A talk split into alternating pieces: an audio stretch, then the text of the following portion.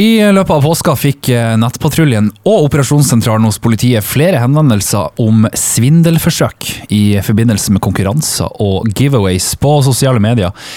Christer Aas i politiets nettpatrulje, hva kan du si om dette? Det er, vi får fra tid til annen henvendelser om akkurat det her med, med svindel og giveaways. Men i påska, eh, og for så vidt rett før påske, så så vi en markant økning i denne typen henvendelser. Det er en varierende fremgangsmetode, eh, men det gjennomgående er jo at eh, svindleren forsøker å, å, få tak i betalingsinformasjon fra, fra personer på bl.a. Facebook.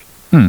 Er det vanlig å bli lurt av sånne her konkurranser i 2021? Vanlig og vanlig. Det er i hvert fall mange nok som blir lurt til at svindleren finner det fornuftig å fortsette med å holde på med denne typen virksomhet. Mm.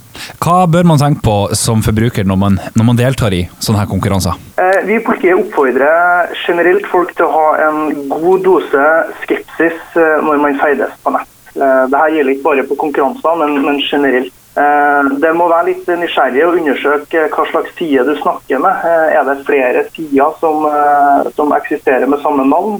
Sida registrert som en person eller en bedrift? Eh, og ikke minst det med å aldri oppgi sensitive personopplysninger på sosiale medier. Vet man noe om hvem som, hvem som ligger bak svinneren?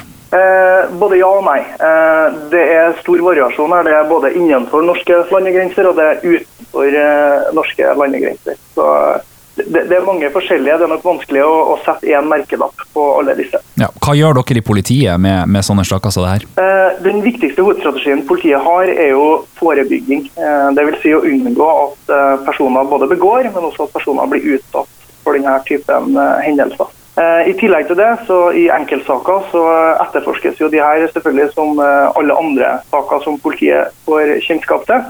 Men den viktigste strategien vår er forebygging.